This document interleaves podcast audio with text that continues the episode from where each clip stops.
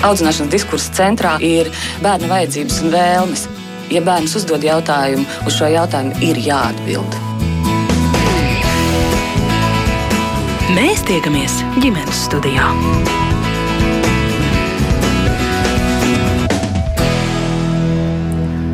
Labdien! Priecājos sveicināt jūsu visus ģimenes studijas šīs dienas redzējuma klausītājus. Mans vārds ir Agnēs Linka, un šī redzējuma producente ir Sarmīta Kolāte. Aizvien biežāk dzirdam sievietes publiski stāstām par ļoti sāpīgām menstruācijām un hroniskiem endokrīnās sistēmas traucējumiem, kas nevien rada lielu diskomfortu, bet arī apgrūtina ģimenes plānošanu. Kā šos traucējumus atpazīt, vai un kā tos iespējams ārstēt, un kāpēc tāda rodas, un kas ir endometrioze un policistiskais olnīcu sindroms par sieviešu, tostarp pusauģu veselību. Šādā aspektā šodien saruna ģimenes studijā, un tajā piedalās divas ginekoloģijas šeit klātienē - Katrīna Kalniņa. Labdien! Labdien! Un telefoniski ar mums kopā dr. Natālija Bērza. Sveicināti! Sveicināti! Šādā sastāvā sāksim sarunu.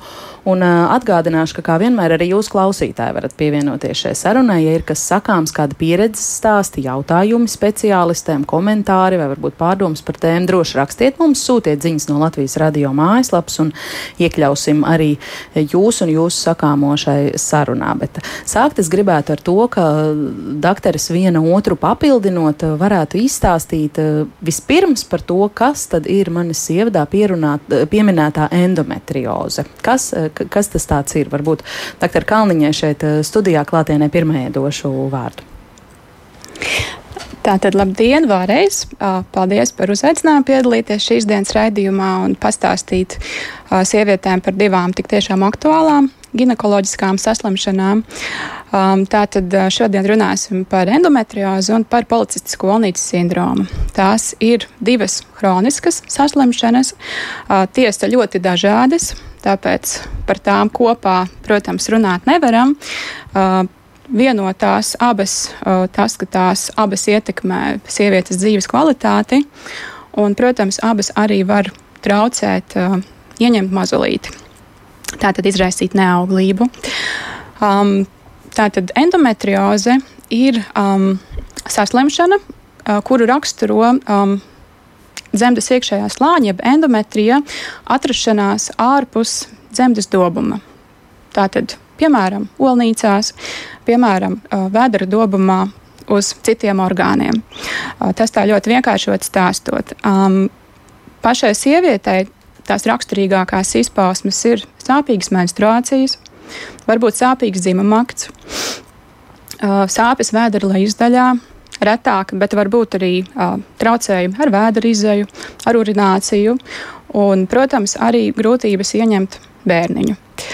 Um, Savukārt, policistiskais onīcu sindroms tā ir vairāk kā endokrinoloģiska saslimšana, arī dzene hroniska, kuras gadījumā sievietei ir var būt uh, retas menstruācijas, uh, var būt uh, vizuāli vai arī uh, asins analīzēs paaugstināti vīrišķie rādītāji. Tātad vizuāli tas varētu būt um, nu sejas ādas problēmas, jeb akne, Eh, tas varētu būt hirsuitisms, jeb pastiprināts apmetojums uz ķermeņa vietās, eh, kurās tas klasiski ir vīriešiem. Tātad virslūpa, zots, eh, krūšu, kauls, mugura, augšstilbi, augšdēlmi. Vai arī asins analīzēs, kā jau es minēju, paaugstināti vīrišķie hormoni. Un vēl šim sindromam raksturīgs var būt uh, ultrasonogrāfiski uh, palielinātas olnīcas ar ļoti daudz uh, folīkuliem. Tātad šīs policistiskās, jeb multifolikulārās olnīcas. Uzreiz ļoti gribētu atzīmēt, ka nosaukums policistiskais olnīcu sindroms ir nedaudz mulsinošs, un nereti pacientes domā, ka viņām ir cistas olnīcās. Tas nebūtu tā nav. Tas, uh, tur nav nekāda saistība ar cistām olnīcām. Šis nosaukums uh, patiesībā ticamākais kaut kad nākotnē tiks mainīts, jo tas neizsaka slimības būtību. Tā tiešām ir endokrinoloģiska saslimšana, un olnīcās ir nevis cistas, bet ļoti daudz maza sīki folīkuli. Nu jā, tas ir tāds galvenais uh, ievadam.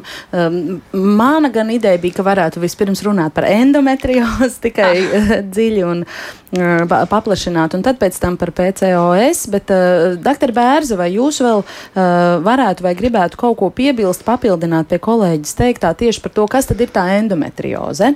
Jā, runājot par endometriozi, kas mums ir jāsaprot? Endometriozes sastopamība ir vienām no desmit sievietēm. Tas automātiski uh, nav tā, ka, uh, ja sievietei atklāja endometriozi, tā ir uh, kaut kāds, nu, teiksim, tā uzreiz uh, bries, briesmīgs uh, notikums, jo endometriozē ir vairākas smaguma pakāpes. Viņa var noritēt viegli un īsnībā sievietes uh, dzīves kvalitāti vispār neietekmēt. Uh, un neietekmēt arī tās auglību, uh, bet uh, viņa var arī noritēt smagi. Un, tad, ja mēs runājam par šīm smagajām lietām, tad lielākoties mēs arī sastopam smagu simptomātiku ar visām šīm ļoti sāpīgajām un izteiktajām menstruācijām un arī ar auglības traucējumiem. Bet ļoti bieži vieglus endometriozes gadi, gadījumus mm, mēs pat reizēm pat sievietes pat neuzzinām, ja viņām ir viens vai divi perēkļi uz Mm, tajā vēdera dobumā. Tā ir pats uh, interesantākais uh, šajā saslimšanā, kad ne perēkļu daudzums nepasaka šīs simptomātikas smagumu, ne arī uh, tas perēkļu daudzums mums nepasaka, vai šai sievietei būs uh, tik tiešām samazināta auglība vai, vai viņai nebūs. Tas ir uh, diezgan interesants fakts, ka tā, ne, mēs nevienmēr varam uh, īsti pateikt, kāda būs tā slimības gaita uzstādot šo diagnozi. Kāda tad ir tā, to smago formu izplatība procentuāli? Cik ir ar, ar, ar vieglu formu un varbūt pat nepamanītas endometri, endometriozes pacients un, un uh, cik ir tie grūtie gadījumi? Nu, Pirmkārt, bija aptuveni. Tas ir, to, to ir ļoti grūti pateikt, jo tad, ja viņi ir asimptomātiski un tam pacientam ir viens, divi perēkļi, mēs īstenībā nemaz nezinām, cik daudzām sievietēm ir šī endometrioze, bet tāda simptomātiska, kura tiek diagnosticēta, tā ir vienai no desmit sievietēm. Vai, tādas, jā. Jā, un tāda pavisam smaga, protams, ka viņi ir sastopami retāk. Vai ir kāds iemesls, kāpēc šīs eh, smagās uh, formas uh, būtu svarīgi diagnosticēt, diagnosticēt kaut kādā īpašā dzīves posmā vai mirklī, kā jūs teiktu? Kopumā jau mēs vadāmies pēc sievietes simptomātikas. Ja sieviete atzīmē ļoti spēcīgas un sāpīgas menstruācijas, tā kā mana kolēģi jau atzīmē, ja sievietei ir šīs urinācijas problēmas, viņai var būt arī, piemēram, vēdera izējas problēmas, loģiski, mēs, mēs diagnosticējam šo smago endometriozi, mums ir jāpalīdz šai sievietei, mums ir jāsamazina gan šo menstruāciju sāpīgums, mums ir jāpalīdz viņai gan mazināt šo vēdera izējas problēmas, gan gan urinācijas problēmas, gan dzimuma akta sāpīguma problēmas. Tas ir mūsu uzdevums. Un um, arī smagās formas lielākoties ja, ietekmē sievietes auglības jautājumus, jo uh, endometriozē ir tā tendence, ka tā radot šīs izmaiņas iegurnī, var kavēt sievietes auglību. Šim pacientam var būt nepieciešama tādēļ vai nu ķirurģiska, vai nu, piemēram, medikamentoze, vai arī nu, tā neie, neieslīgstot tā, tā dziļāk, vai arī medicīniskās apaugļošanas ārstēšana. Mhm. Jā, par, par reproduktīvajiem izaicinājumiem tā teikt, varbūt vēl pēc brīža. Es vēl gribētu pavaicāt, eh, vai jums ir dati vai priekšstats par to, vai pieaug sieviešu skaits ar šo endometriozes diagnozi Latvijā vai globāli vispār, vai tikai tā šķiet izplatītāka, tāpēc, ka atklātāk par to tiek runāts? Kā jūs teikt, doktor Kalniņa? Uh. Es domāju, ka saslimšanas procentuālais skaits jau nemainās, taču mainās diagnostikas iespējas, mainās varbūt mūsu zināšanas, iespējas to ieraudzīt, aizdomāties par to. Tas, kā jau teica kolēģi, ir tie 10, kaut kur literatūrā pat 15%, taču es domāju, ka mainās mūsu iespējas to diagnosticēt, un, protams, ka saistībā ar auglības jautājumiem.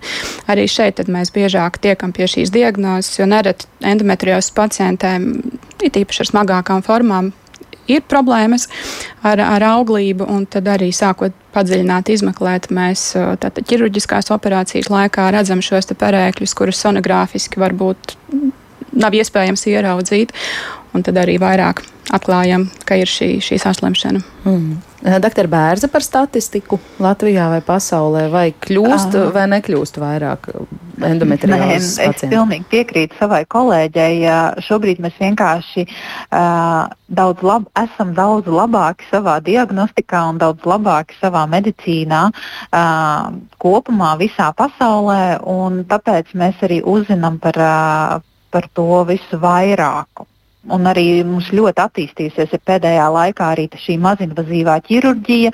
Tā ir absolūti milzīgs uzrāviens pēdējos 20 gados. Un, um, Un tāpēc mēs arī konstatējam šīs saslimšanas vairāk, bet procentuāli šo sieviešu skaits nemainās. Jā. Lūk, arī kāda mūsu klausītāja jau lūdz precizēt, vai jebkuras sāpīgas mēneša reizes ir endometrioze, un vai tā var pazust pēc bērna piedzimšanas, pašai pēc grūtniecības mēneša reizes kļuva daudz panesamākas. Kā jūs atbildētu? Jā, tā tad, protams, ka nē. Sāpīgas mēneša reizes noteikti nenozīmē endometriozes diagnozi. Jaunām pacientēm diezgan raksturīgi ļoti jaunām sievietēm, ka menstruācijas ir sāpīgas, un tas iemesls ir absolūti cits. Uh, savukārt, uh, vērīgāk ir jāpievērš sava uzmanība tad, ja sāpīgas menstruācijas turpinās vēlāk sievietē, vai ja, piemēram, tās nav bijušas sāpīgas un tās kļūst sāpīgas ar gadiem, tad noteikti šī ir viena no diagnozēm, kura būtu jāizslēdz. Mm. Vai bērniņa piedzimšanai uz endometriozi kā tādu ir kāda ietekme? Uh, īsti nav. Tā ir hroniska saslimšana, un tas īsti uz endometriozes, tā teikt, viņa nepazudīs mm -hmm. pēc dzemdībām. Doktor Bērza, kā komentēsiet? Par bērniņu piedzimšanu es vēlējos pateikt, ka uz to laiku, kamēr sievietei būs grūtniecība, un uz to laiku, kamēr viņa baros ar krūti un viņai nebūs menstruācija, uz to laiku simptomu smagums samazināsies. Tātad viņai nebūs tik ļoti izteikti šie simptomi, bet pēc tam, kad, uh, kad viņai atsāksies menstruācijas, uh, tā endometriose tik tiešām nepazudīs un uh, tā slimības gaita atjaunosies. Tātad, ja tā būs bijusi endometrioze, jā. tiešām jā. Par, tie, par tiem ģimenes plānošanas un, un, un grūtniecības izaicinājumiem, kas e, ir saistīts tieši ar šo diagnozi, kādas ir iespējas sirkstot ar endometriozi, palikt stāvoklī un iznēsāt mazuli, un kāpēc varbūt kādreiz tas neizdodas? Uh, tā tad. Uh Kā kolēģi minēja, endometrioze noteikti nenozīmē automātiski neauglība. Tas noteikti arī ir jāatcerās, ka domazīmēs nevaram likt šīm divām, šiem diviem vārdiem, taču uh, tā, protams, var ietekmēt auglību. Un tas iemesls ir uh, katrai stadijai mēs drusciņi cits, arī varbūt neieslīgstot tādās ļoti smalkās detaļās. Uh, tātad ir nelabvēlīgāka vide vēdera dobumā, lai varētu notikt kvalitatīva ovulācija, uh, olvadi kvalitatīvi pārvietot šo te uh, embriju uz zemes dobumu, arī implantācija var būt traucēta šīm pacientēm. Savukārt pie smagākām formām, uh, protams, ka traucē arī tīri anatomiski ovulācijas notikšanai saugumi vēdera dobumā, šie endometriozes perēkļi. Tā kā, tā kā jā, ļoti atkarīgs viss no stadijas. Um, ko es gribētu piezīmēt, ka uh, pacientiem ar endometriozi varbūt nevajadzētu atlikt grūtniecības plānošanu uz vēlāku laiku dzīvē, jo, protams, ka arī vecums, diemžēl, sievietēm uh, ietekmē ovulāciju, olšu un kvalitāti, un sevišķi endometriozes diagnozes gadījumā būtu tomēr jādomā par ģimenes plānošanu agrākā vecumā nekā vēlākā. Mm, Doktor Bērs, ko piebildīsiet?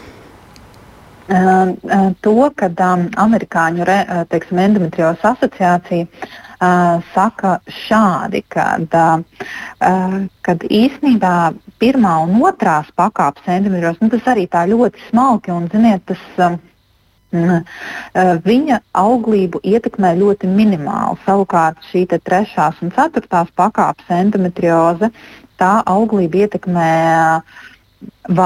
diezgan spēcīgi. Un, um, bet to jau ļoti labi doktora Kalniņa izskaidroja. Kādas tad ir tās ārstēšanas iespējas un cik svarīgi vai šī diagnoze tiek uzstādīta agrāk, vēlāk, cik saulēcīgi tas notiek? Nu, tas ir ļoti īstenībā diskutabls jautājums, jo tur ir daudzi, daudzi vēl neatbildēti jautājumi un daudzi neatbildēti konsensusi. Piemēram, ja par kādu tēmu? Jūs, piemēram, jo, jo, jo mums ir jāsaprot, vai šī sieviete plāno grūtniecību vai viņa neplāno. Ja siev, par kuru daļu mēs vēlamies šobrīd runāt? Vai par to, kur viņa plāno grūtniecību, vai par to, kur viņa neplāno? Droši vien, ka mēs varētu parunāt gan, gan kā ir vienā gadījumā un kāds scenārijs otrā. Nu jā, tā tad tas, tas doma gājiens, ja viņa neplāno grūtniecību, tad galvenais mums ir mazināt endometriozes sūdzības. Un to mēs varam darīt vai nu uh, konservatīvi, vai nu operatīvi. Ko nozīmē konservatīvi? Tas nozīmē ar medikamentiem uh, vai, vai ar operācijas palīdzību. Bet uh, tur, ir, uh, tur ir arī savs bet ar to operācijas palīdzību. Tātad, ja mēs runājam par medikamentiem, tad pirmās izvēles preparāti ir uh, nesteroīdie pretiekais un līdzekļi, jeb tā saucamie pretsāpju zāles, ko cilvēki pazīst tādā vienkāršotā variantā. Un uh, otrā, otrā izvēle ir. Uh, tā kā hormonālā, hormonālā terapija, vai tā ir hormonālā kontracepcija, vai tas ir uh, citu hormonu, hormonu tipu preparāti, bet tas ir kā, iz, arī viena no izvēles metodēm. Runājot par to ķirurģisko lietu, uh, tur savukārt ir tā, ka um, pēc šī brīža pierādījumu datiem, ja pacienti tiek operēti, tad viņai, viņa jā, jāoperē tādā vietā, ko, ko sauc par endometriozes centru. Tas nozīmē, ka tam ārstam, kurš viņu operē, viņam ir jābūt ar pieredzi tieši endometriozes operāciju veikšanā.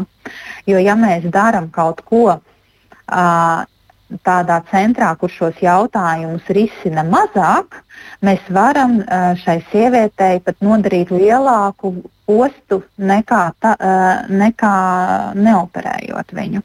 Mums Latvijā ir tādi centri? Um, Varbūt doktora Kal, Kalniņa man var palīdzēt šajā jautājumā, lai nav tā, ka es tikai vienu pati runāju. uh, No, ir ārsti un ir klīnikas, kurās uh, ir daudz šo pacientu. Protams, ka tas vairāk ir uh, neauglības ārstēšanas klīnikās. Uh, tieši kā ar nosaukumu endometriozes uh, klīnika. Tādas mums droši vien Latvijā nav. nav jā, Vismaz pagaidām, uh, taču ir Ir ārsti, ginekologi operējošie, kuri tik tiešām specializējās tieši endometriozes operatīvā ārstēšanā, kur bieži vien tālāk tiek ņemts arī palīgā ķirurgs, jo pie šīs ceturtās stadijas mēdz būt iesaistīti arī citi orgāni, piemēram, zarnas, piemēram, urīnpūslis, kad ir jāveic šīs plašās rezekcijas, un tad bez ķirurga palīdzības nereti pat ginekologs viens netiek galā. Tad, tad, tad, nu, tad šie arī būtu tie tās vietas, kur, kur, kur tomēr būtu labāk veikt šīs operācijas. Jā, kur ir šī komanda. Jāizvēlās jā, gana, gana jā. rūpīgi šajā gadījumā būt. Cik bieži ir tā, ka izdodas un, un, un ka neizdodas palīdzēt sievietēm ar šo diagnozi, ar trešo, ceturto pakāpi endometriozi tomēr tikt pie bērniņa? Um, Par laimi ir medicīniskā apaugļošana, kuras gadījumā lielam vairumam izdodas palīdzēt, taču uh, pie šīm te uh, smagajām formām, trešās, ceturtās uh, formas ir traucēta gan uh, olnīcās folikula ģenēze. Folikula, diemžēl, ir uh, došūnas ir nekvalitatīvākas un, un tad tomēr ir reti gadījumi, kad vairs mēs pat ar ķirurģisku ārstēšanu, pat ar medicīniskās apaugļošanas metodēm nevaram palīdzēt, bet par laimi šie gadījumi ir gan reti, bet nav, nevar teikt, ka tādu nebūtu pavisai. Mm -hmm. nu, tā tad, ja spriedums trešās, ceturtās pakāpes endometrioze, tad tie procenti tomēr ir gana lieli, ka izdodas uh, tikt arī pie bērniņa. Protams, var mm. izdoties, bet, bet, bet, bet tas risks, ka var būt problēmas un var arī neizdoties, kā jau es minēju, arī tomēr pastāv. Mm -hmm. Doktor Bērze par šo?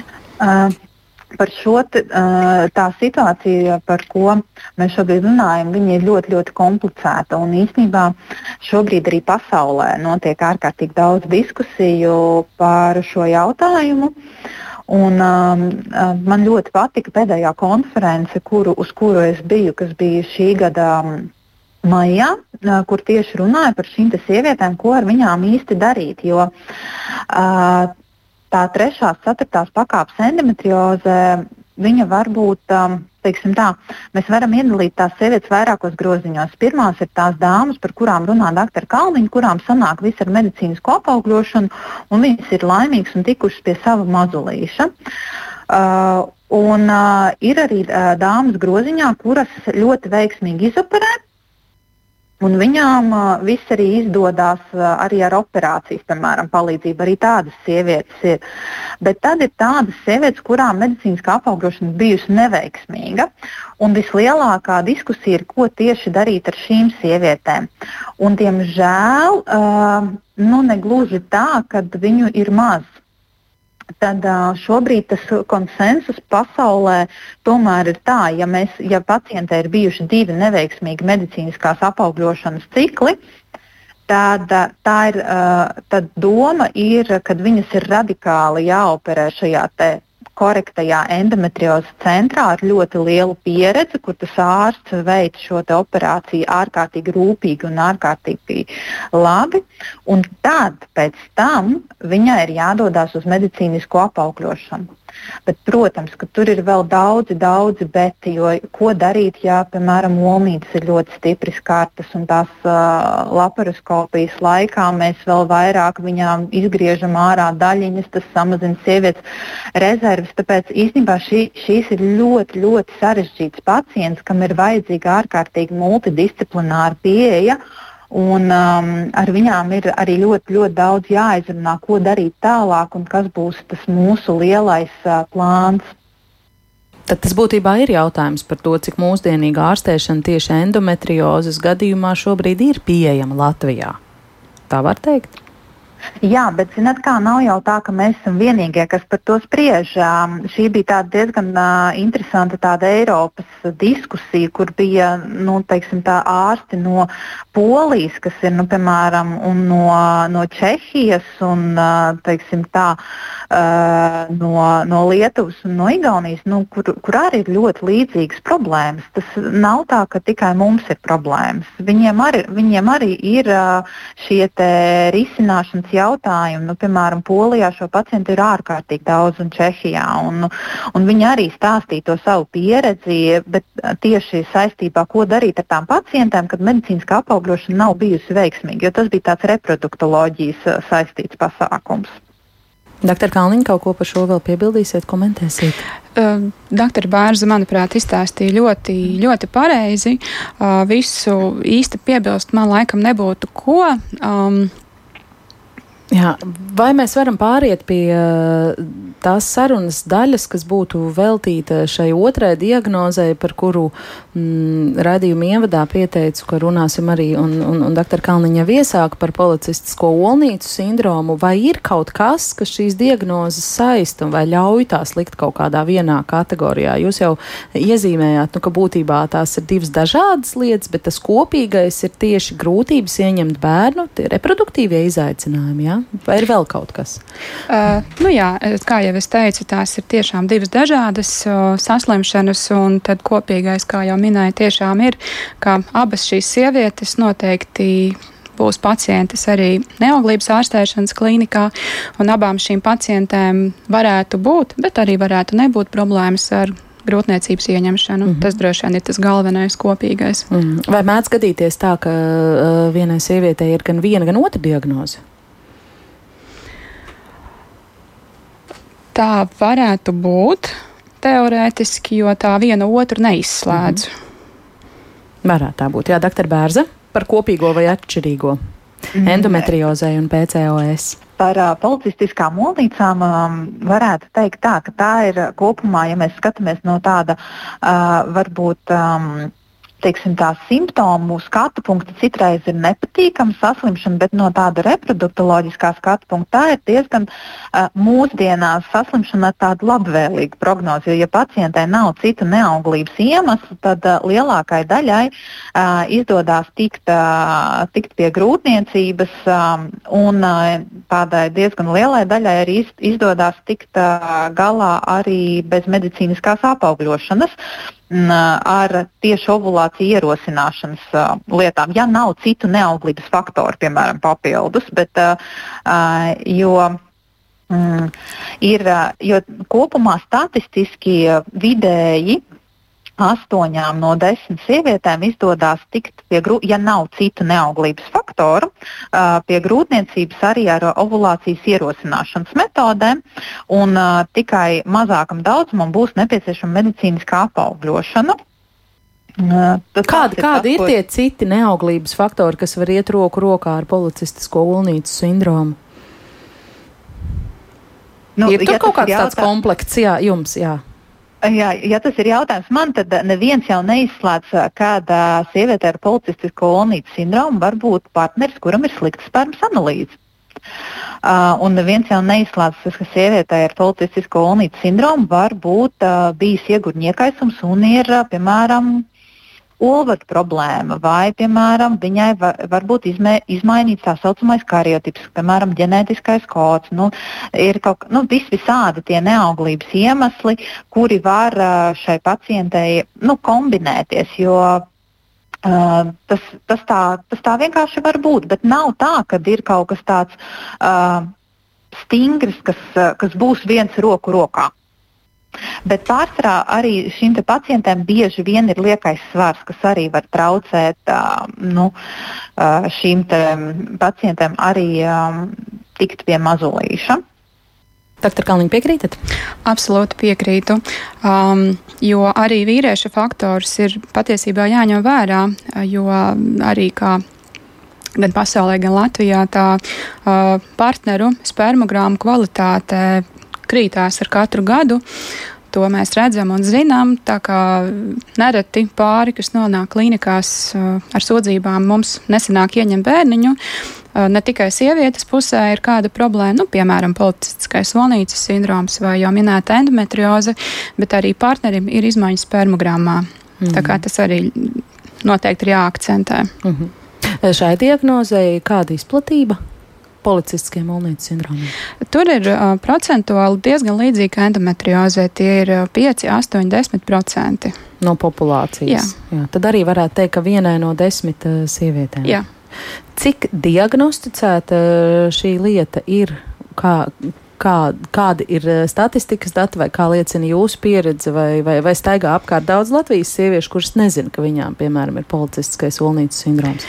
Uh, es domāju, ka ar policistisku olnīcas sindromu ir mēs drusciņi vieglāk tikt pie diagnozes, jo tās izpausmes ir uh, spilgtākas nekā piemēram, endometriozei, kas sevišķi ir pirmā, otrā pakāpe, kur var nebūt tieši nekāda sūdzība sākotnēji. Jo pie policistiskā olnīcas sindroma, kā jau es minēju, sievietes nāks un sūdzēsies par ādas problēmām, par uh, pastiprināto apmetojumu. Visbiežāk uh, sievietes sūdzēsies, ka viņām ir absolūti neregulārs menstruālais cikls, teiksim, ka menstruācijas kavējās divus, trīs mēnešus, un tad tas uh, ļauj ātrāk un vieglāk tikt pie, pie, pie diagnozes nekā, piemēram, pie endometriozes, kur sūdzība var nebūt nekāda mm -hmm. sākotnēji. Mm -hmm. Doktor Bērs, papildināsiet kaut ko par definīciju, simptomiem vai izplatību? Ir, par izplatību tur ir īstenībā ārkārtīgi interesanti ir tas, ka uh, doktorai Kalniņai ir pilnīgi taisnība, bet kopumā tas stāsts par to izplatību ir, uh, ir arī uh, uh, netik vienkāršs, jo viss ir atkarīgs no tā, kurus diagnostikas kritērijus mēs lietojam. Jo kā jau visā, visās lietās, mums ir kaut kāda diagnostikas kritērija, un tam par uh, laimi vai nelaimi tam policistiskajam monītas sindromam viņam ir uh, veseli uh, trīs dažādi kritēriju kopas, kas ir uh, atšķirīgas. Um, un, um, atkarībā no tā, kuru kritēriju uh, mēs lietojam, mēs varam sastapt, uh, atrast policistisku olnīti no 4 līdz 20%. Jo um, ir tādas, tāda kritērija, kas atzīst tikai to stingro, stingro policistisko, klasisko policistisko olnīcu sindromu, un tad ir arī tāda kritērija, kas pieļauj tādus starp variantus, uh, kur tās izpausmes ir krietni, krietni vieglākas. Un, uh, un tad uh, šādas sievietes var būt līdz 20%, gadī, uh, 20 no populācijas.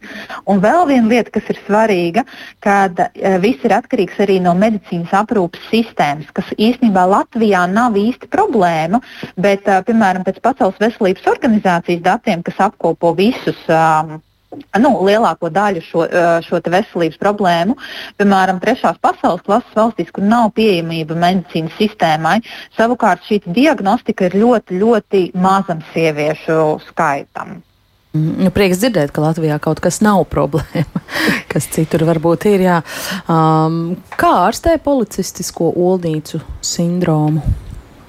Iesāksiet, jā? Mm. Jā, tā tad um, patiesībā pirmā rekomendācija, ko ginekologam, nu arī citiem aprūpas speciālistiem, jo tā arī ir multidisciplināra komanda, noteikti jāiekļaujas šīs diagnozes ārstēšanā. Tātad rekomendācijas par fiziskajām aktivitātēm un uzturu, kas ir gana vienkāršas, bet tāpat laikā gana svarīgas šīs uh, slimības ārstēšanā. Tātad, uh, pietiekamas regulāras fiziskās aktivitātes un uh, normāls sabalansēts uzturs patiesībā ir tās pirmās lietas, ar kurām būtu jāsāk. Un tālāk, protams, ir jāskatās, kā menedžēt pacientus sūdzības un, un kas viņai tieši traucē. Ja pacienti sūdzēsies par sejas tādas problēmām, tad, protams, jādomā ir šajā virzienā, kā palīdzēt uh, pacientē ar šo sūdzību. Tad varētu nākt tālāk, piemēram, kombinēta orālā kontracepcija, jeb hormonālās kontracepcijas tabletes. Ja sieviete sūdzās, ka viņai tik tiešām traucē šis apmetojums, tad tālāk atkal mums jāvirza sievieti jāstāsta par iespējām kosmetoloģijā, kādas mūsdienās pastāv, piemēram, šī lāzera epilācija. Ja sievietes atrauc viņas neregulārais cikls, ka viņa nekad nezina, kad viņai sāksies menstruācijas, tad atkal varam palīdzēt, rekomendējot šo hormonālo orālo kontracepciju.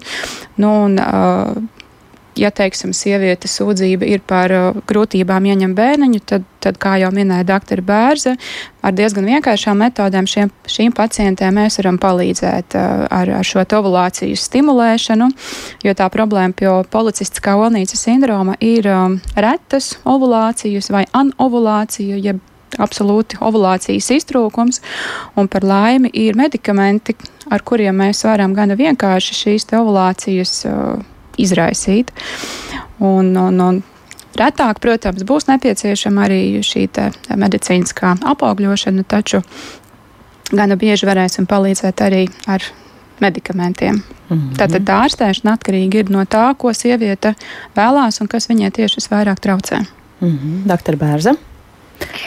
Te dr. Kalniņš superīgi izstāstīja par, par visu to tām sievietēm, kas neplāno grūtniecību. Uh, es vēl vienu mirklīti vēlētos piebilst par tām, kas plāno grūtniecību, jo um, ik pa brīdim mēs sastopam savā privāt, uh, nu, savā, mm, teiksim, praksē, uh, it sevišķi uh, neauglības ārstēšanas jautājumā, jo nu, tas ir vien, viena no, no sfērām, kur gan es, gan dr. Kalniņa strādājam lielāko savu, savu dzīves daļu. Un, tā, ka sieviete ir um, uh, inducējusi ovulācijas, neskaitāmus mēnešus ierosinājis ovulācijas, un tāpat tās grūtniecība nav iestājusies, un neviens nav viņai uztaisījis partneru spermas analīzi. Uh, tāpēc tajā brīdī, kad mēs uh, konstatējam, ka pacientai ir policistisko olnītes sindroms un viņa ļoti vēlās grūtniecību, tajā brīdī kopumā mums nav jāfokusējās un jākoncentrējās un jāsaka, tā ir tikai tā sieviete.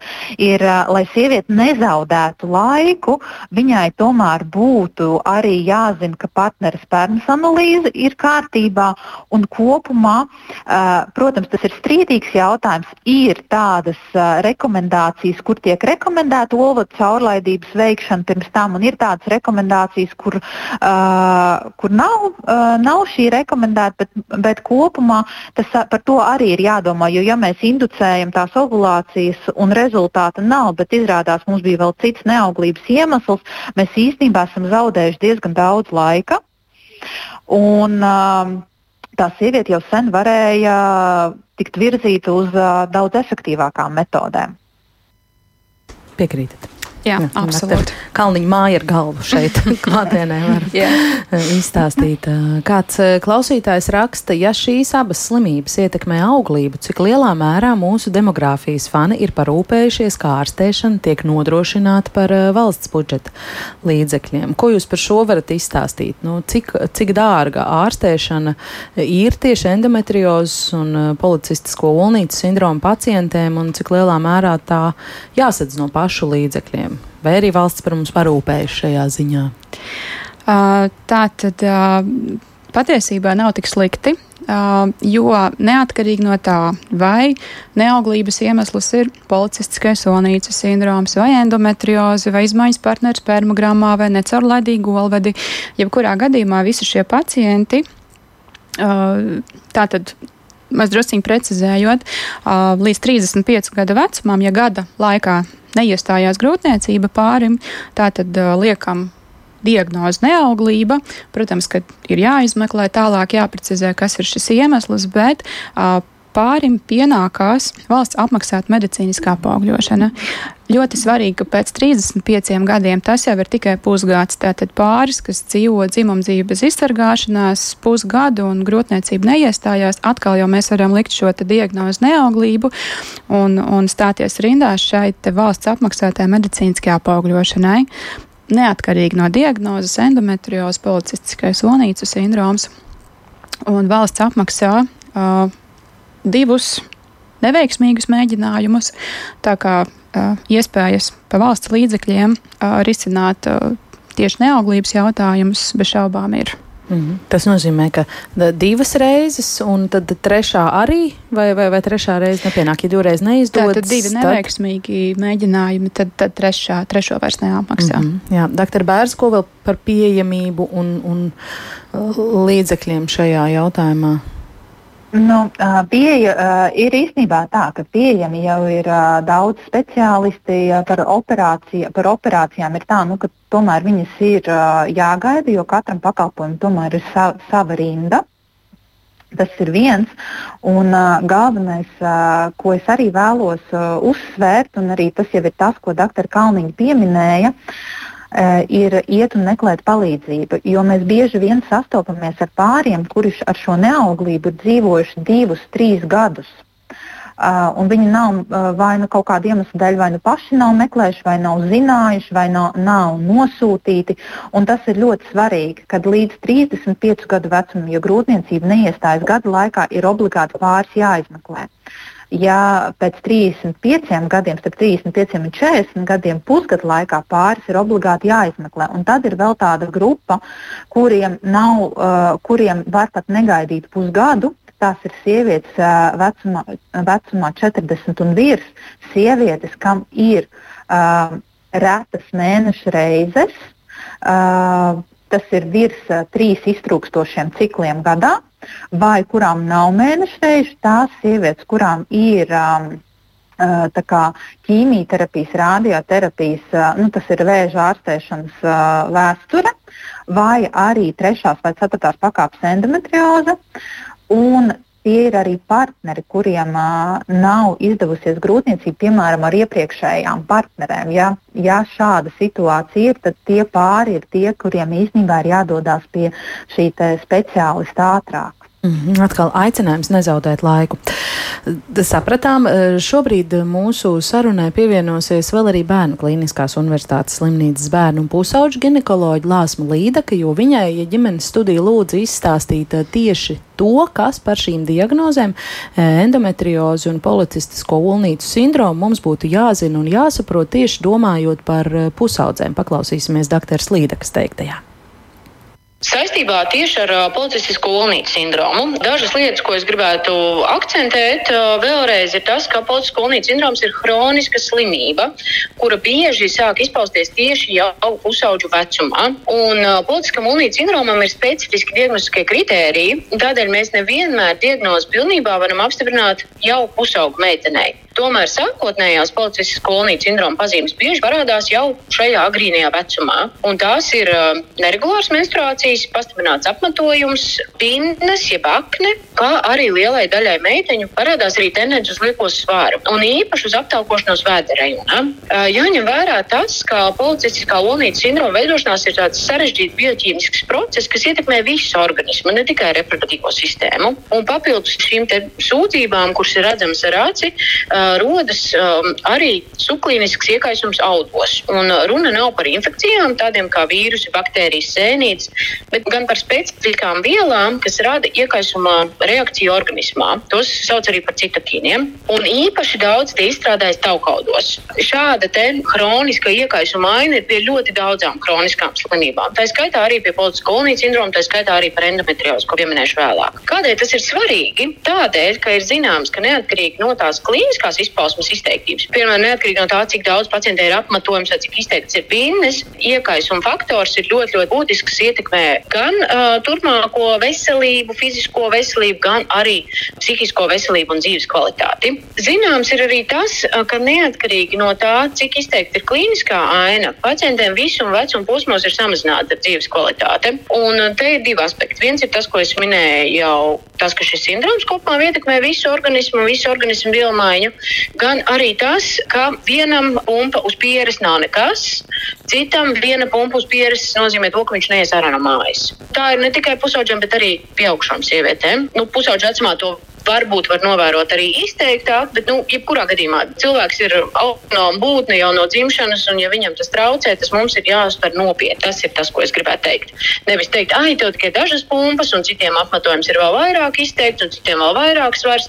Tas nepalīdz, tas tikai nonivelē šo problēmas apjomu, kas cilvēkam pašam ir svarīgi. Uh, jā, runājam par to, kas um, tieši da, rada raizes uh, pacientiem dažādās populācijās tie var būt dažādi aspekti. Piemēram, austrumu kultūrās. Um, Ir neauglība, kas satrauc jau arī jauna, pusauģa vecuma sievietes. Uh, savukārt, piemēram, Latvijā manis aptaujātā pacienta izlasē, kuru aptaujāju savas doktora disertācijas ietvaros, pusaudziem Latvijā tās bija raizes par ķermeņa masu un apmetojumu, kas visvairāk ietekmēja kopējo ar veselību saistīto dzīves kvalitāti. Ko es gribētu aicināt? Es gribētu aicināt pirmkārt runāt ar ārstu, ar ģimenes ārstu, ar ginekologu, stāstīt to, kas visvairāk traucē. Un tieši tam arī var meklēt risinājumu. Jo pašu policistisko ulnītu sindromu, un mēs vēlāk runāsim arī par endometriozu, pilnībā izārstēt, diemžēl, nav iespējams, bet mēs varam risināt katru atsevišķo jautājumu un kopīgi uzlabot uh, visu dzīves kvalitāti. Kā arī ir ļoti, ļoti svarīgi meklēt atbalstu tieši psihiskās jautājumos. Nereti šķiet, ka, ja tiks vaļā, piemēram, no apmetojuma, tad arī visa dzīve sakārtosies. Tā mēs ceram, ka arī būs, bet iespējams, ka depresija, trauksme tik viegli nepazudīs. Un uh, pēcējos pacientiem, Balskolnijas sindroma pacientiem, biežāk ir raksturīgi arī ēšanas traucējumi, piemēram, nekontrolētas pārēšanās epizodes.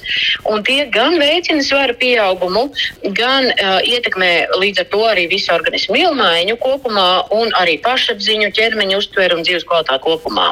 Tādēļ arī psihiskās veselības speciālists ir mums ļoti, ļoti svarīgs pacientiem, kurām ir politisks kolonijas sindroms. Un vēl es aicinātu meitenes un viņu mammas runāt par tām lietām, kas notiek ar ķermeni, un arī fiksēt tās. Jo nereti meitenēm nav menstruālā kalendāra, vai viņas tā īsti līdz galam neizprot, kā to atzīmēt.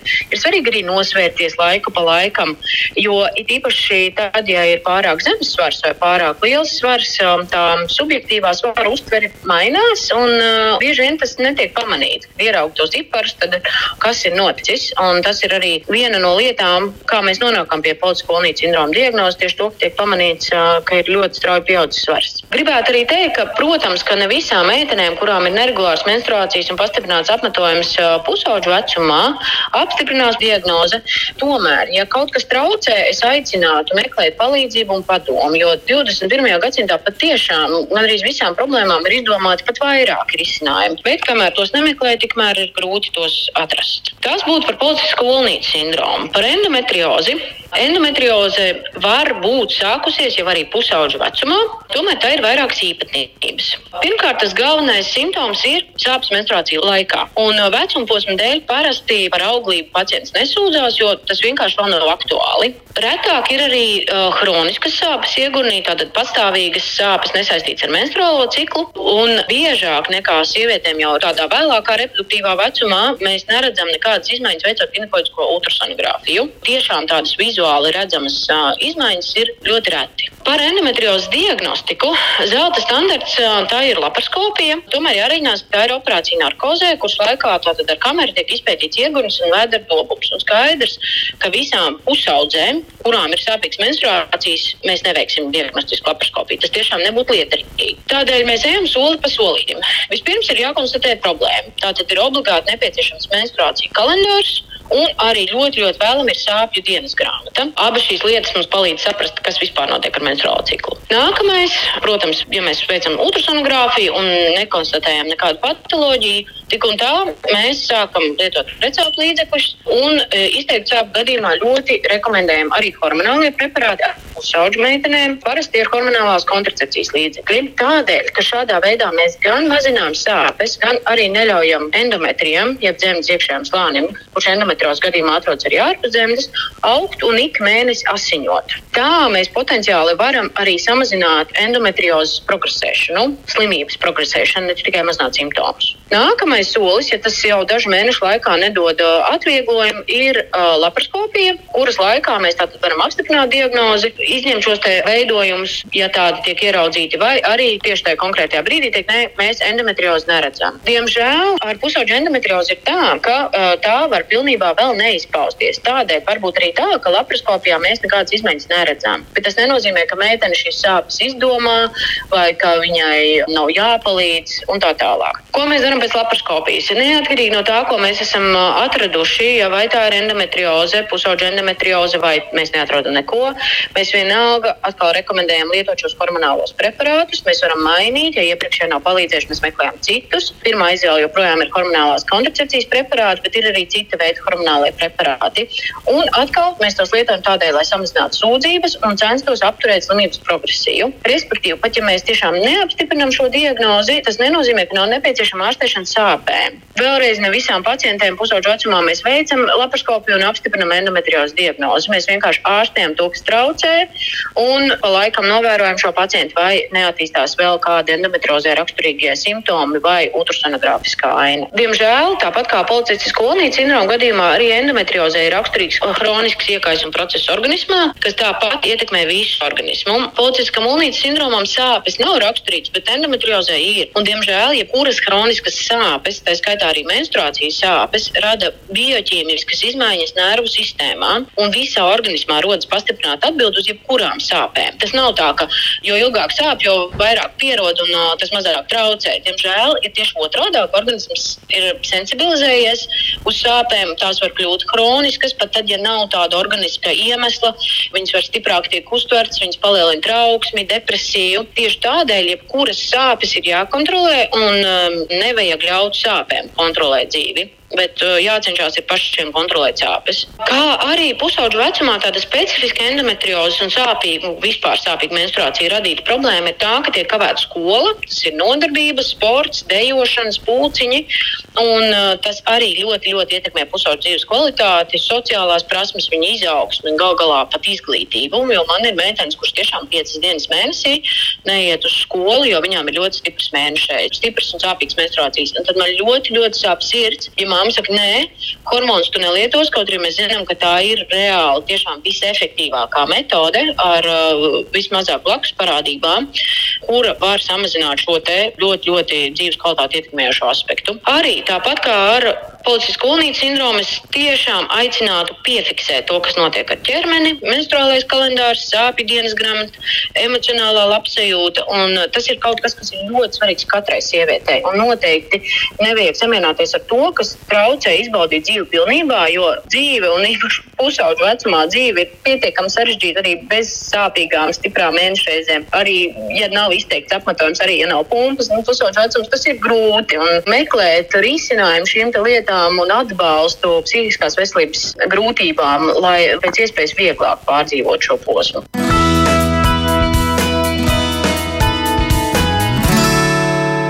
Tālāk bērnu slimnīcas bērnu pusauģa ginekoloģe Lāsma Līdaka. Paldies viņai par komentāru. Vai ir kaut kas vēl piebilstams doktors teiktajam? Uh, Lāsma ļoti labi pastāstīja par pusauģiem, jo tik tiešām pusauģu, pusauģiem ir mazliet sarežģītāk ar, ar endometriozes diagnostiku, un, un arī pie policists kalnītes sindroma diagnostika ir citādāk, bet doktora Līdaka, manuprāt, mm -hmm. ļoti labi pastāstīja. Mm -hmm pastāstīja visu, kas būtu jāzina. Jā, doktor Bērza, vai kaut ko gribat vēl akcentēt kolēģis teiktajā varbūt? Pilnīgi piekrītu visam, un man nav ko vairs piebilst. Mēs pavisam uh, pāris atlikušajās minūtēs varbūt varam arī dažus, dažus tādus uh, punktus, daudz punktu pielikt, uh, runājot par dzīvesveidu. Kas ir tie dzīvesveida aspekti, kurus koriģējot var mazināt endometriozes vai policistisko olnīcu sindromu simptomātiku? Šis tas jau ieskanējās, uh, fiziskās aktivitātes, labs uzturs, tās, tās droši vien ir pamatlietas it visam, vai ir vēl kaut kas, ko jūs šajā sarakstiņā burtiski tā konspektīvi varētu uzskaitīt? Nu, patiesībā jau, diemžēl, tas arī ir tas galvenais. Gana vienkārši, gana sarežģīti tas dzīvesveids, kustības, fiziskā aktivitāte, normāls, sabalansēts. Uzturs ir tik tiešām stūrakmens un ir visa pamatā. Uh, Un tas arī būtu tas galvenais, mm ko sākt par tālāko visu. Protams, kā jau mēs sarunas gaitā stāstījām, atkarībā no sievietes vēlmēm, sūdzībām, iespējas palīdzēt ir daudz un dažādas. Um, viss ir atkarīgs, kā jau, kā jau minēju, no mm. sievietes uh, sūdzībām, vēlmēm, mm. vēlmēm tikt pie bērniņa. Jā, doktor Bērs, tad jums pēdējais vārds. Es domāju par to, kas ir svarīgākais. Jā, Nu, kopumā jau um, runājot par endometriozi, uh, teiksim, uh, nu, ir maz tādas lietas, ko mēs varam vēl vairāk bez tā, ko doktora Kalniņa um, ir pateikusi. Runājot par politistisko olnīcu, nu, tā ir tāda saslimšana, kas bieži vien iet ar uh, diezgan lielu liekā svaru problēmu. Šis ir tāds, uh, viens no stūrakmeņiem, kad censties uh, gan ar fiziskām aktivitātēm, gan ar uh, šo te, uh, korektu sabalansēšanu balansētu uzturu, pieturēties um, um tādās normālās, tādās pareizajās svara kategorijās. Tās būtu tās pamatlietas, un paldies arī par šiem un visiem citiem padomiem šodien ģimenes studijā teikšu ginekoloģijai Katrīnai Kalniņai un eh, Natālijai Bērzai. Paldies, ka veltījāt savu laiku un zināšanas ģimenes studijas klausītājiem. Radījumu šodien veidoja Sarmīta Kolāta, pie skaņa pults bija Rita Karnača un pie mikrofona es Agnese Linka. Nesen kā iznākusī filma Bārbija mudina ģimenes studiju atgriezties pie sarunas par lellēm, vai bērni, gan meitenes, gan puiši ar tām joprojām spēlējas, vai ir atšķirība ar kādām lellēm rotaļājas sievietes un kādu vispār stāstu par sievietes lomu agrāk. Un tagad mums stāsta šī popkultūras ikona Bārbija. Par to mēs padiskutēsim ģimenes studijā šai laikā rīt. Paldies, ka klausījāties raidījumu šodien. Tiekamies arī ģimenes studijas podkāstu epizodēs mobilajā lietotnē un sekojiet ģimenes studijai arī sociālos tīklos uz sadzirdēšanos.